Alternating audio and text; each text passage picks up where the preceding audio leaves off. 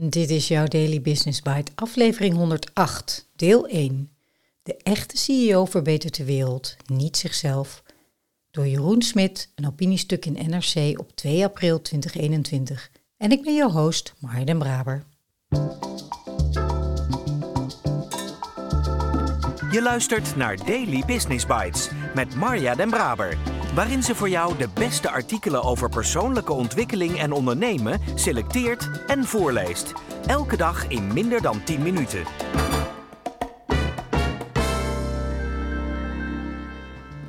Een hele fijne dag en welkom terug bij de Daily Business Bites. Of welkom als je voor de eerste keer luistert.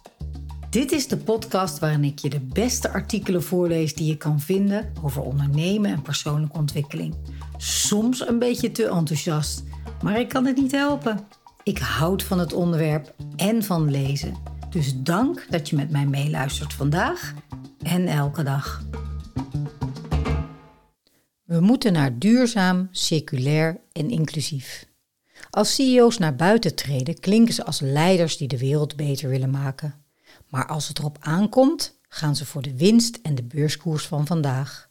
Ze kunnen niet anders, zeggen ze dan. Zo is het systeem nu eenmaal. Dus is het de hoogste tijd om dat systeem te veranderen en in de wet vast te leggen. Dat de CEO een wereldverbeteraar moet zijn. Niemand kan succesvol zijn in een wereld die faalt. Als het virus ons ergens mee helpt, is het met dit besef, de wetenschap dat we maar één wereld hebben. Het lukt alleen niet die les om te zetten in daden. Zo'n 130 landen hebben nog geen vaccin gezien. Antonio Guterres, secretaris-generaal van de Verenigde Naties, is er duidelijk over. De verspreiding van vaccins is de grootste morele test voor ons allemaal. De wetenschap is succesvol, maar de solidariteit schiet tekort. COVID-19 is nog maar een vingeroefening. Als de wereld verder opwarmt, als de biodiversiteit verder afneemt, als het gat tussen rijk en arm toeneemt, we liggen op een koers die weinig goeds belooft. Al helemaal niet voor onze kinderen. Natuurlijk ligt hier een belangrijke opdracht voor overheden. Maar het is ook volstrekt helder dat bedrijven en zeker machtige, grensoverschrijdende multinationals hun enorme kapitaal aan mensen en geld nadrukkelijk zullen moeten inzetten voor het gezond houden van de gemeenschap waaraan ze hun bestaansrecht ontlenen. Dat is uiteindelijk ook in hun eigen belang. Hoe ziet die morele test eruit? Hoe draagt de roerganger van een bedrijf Chief Executive Officer bij aan die zo broodnodige solidariteit.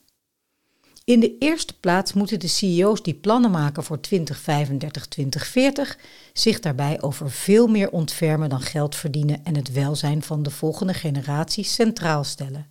Bedrijven zullen voor de verwezenlijking ervan de krachten moeten bundelen en hun kennis moeten delen met partijen die nu nog vaak als de vijand worden gezien, zoals overheden, goede doelenorganisaties en concurrenten. Dat vraagt om wederzijds vertrouwen. Vertrouwen dat alleen overeind blijft als alle partijen dezelfde doelen nastreven en transparant zijn over de behaalde resultaten. Het is de oproep van Guterres. Overheden en bedrijven moeten nu niet bezig zijn met wie wat onder de streep overhoudt, maar samen alles op alles zetten om de hele wereldbevolking zo snel mogelijk te vaccineren. Van de beloning, een gezonde wereld, profiteert iedereen later. Dat later is voor CEO's vaak te ver weg. Daarvoor moeten ze het aan het bedrijf toevertrouwde kapitaal inzetten voor investeringen die pas op de zeer lange termijn gaan renderen. Een energietransitie, het circulair maken van onze economie, de verduurzaming van bijvoorbeeld zoiets als palmolieproductie en het overal kunnen betalen van leefbare inkomens. Het zijn ingrijpende systeemveranderingen die veel geld en vooral tijd vergen. Die tijd is de CEO niet gegund. Alle mooie woorden ten spijt, op de financiële markten reageert het snelle rendement, de korte termijn. Dat werd twee weken geleden weer pijnlijk duidelijk. Het beursgenoteerde Packard, de Amerikaanse eigenaar van DAF, is niet van plan de ontvangen 49 miljoen euro van de tijdelijke noodmaatregel voor overbrugging werkgelegenheid, de nauwsteun, terug te geven aan de Nederlandse belastingbetaler. Het hoeft niet en is makkelijk verdiend. Ze keren wel 576 miljoen euro dividend uit aan de aandeelhouders. Die aandeelhouders hebben vaak ook de mond vol over zorgplicht voor de gemeenschap, maar pijnzen er niet over Paccard te wijzen op hun falende morele kompas. De Nederlandse pensioenfondsen ABP en PFZW trekken ook niet aan de bel. Dat zou slecht kunnen zijn voor de waarde van hun Paccard-aandelen en dat is niet goed voor hun dekkingsgraad, met alle mogelijke gevolgen voor een korting van pensioenen. Onze CEO's worstelen met hun koers. Aan zes leiders, DSM, Boskalis, Unilever, Shell, ABN AMRO, Friesland Campina, werd in het televisieprogramma De Achterkant van het Gelijk gevraagd wat ze zouden doen als hun bedrijf plastic uitvindt dat helemaal oplost zodra het in water komt. Wie zet er een patent omheen en richt zich eerst op geld verdienen? En wie vindt dat die kennis onmiddellijk en gratis met de hele wereld moet worden gedeeld om het gigantische probleem van plastic vervuiling zo snel mogelijk aan te kunnen pakken? De kijker hoorde hun hersenen kraken. Ze vonden natuurlijk allemaal dat het oplossen van dit probleem belangrijker is dan de winstgevendheid van hun bedrijf. Maar die kennis zomaar weggeven, dat kan toch niet, want een investering moet renderen. Misschien een verstandige prijs in rekening brengen? Ze kwamen er niet uit. Hun denken zit muurvast in spreadsheets en beurskoersgrafieken gericht op het volgende kwartaal. De enkele moedige CEO die hier hard tegenin gaat, een force for good probeert te zijn, legt het af. Emmanuel Faber, bestuursvoorzitter van Danone, verkondigde een jaar geleden trots dat het Franse bedrijf met een consequente focus op de lange termijn duurzaamheid het standbeeld van Milton Friedman omver had getrokken. Medio maart werd hij de laan uitgestuurd omdat ontevreden aandeelhouders vinden dat het bedrijf sneller meer winst moet maken. CEO's ontsnappen niet aan de realiteit die de beroemde econoom Friedman in 1970 de wereld instuurde. Als het legaal is en je kunt er geld mee verdienen, moet je het doen. Anders ben je een slechte ondernemer en doet de concurrent het voor jou.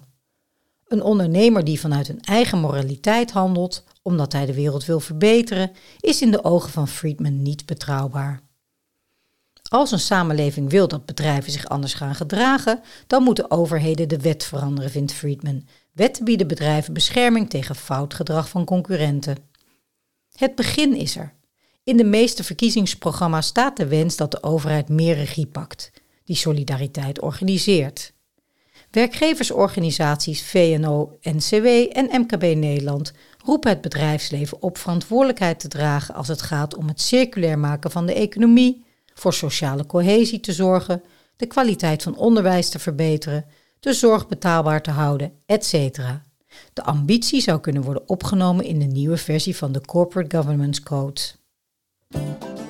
Daily Business Bites met Marja Den Braber. Je luisterde naar deel 1 van De echte CEO verbetert de wereld, niet zichzelf, door Jeroen Smit.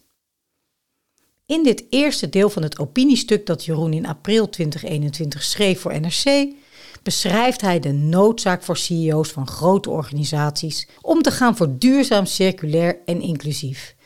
En hun struggles. Ze willen wel, maar ze kunnen niet. En de tijd schrijdt maar voort.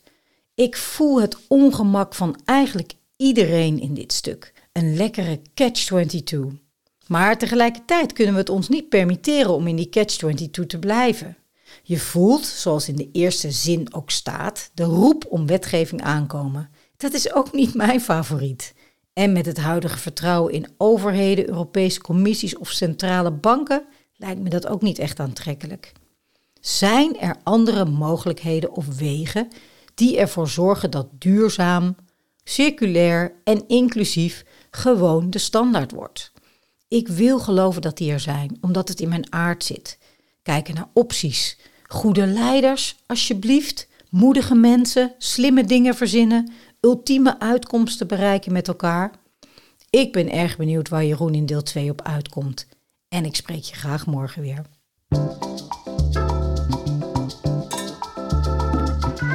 Dit was Daily Business Bites. Wil je vaker voorgelezen worden? Abonneer je dan op de podcast in je favoriete podcast-app. Meer weten? Klik op de links in de show notes.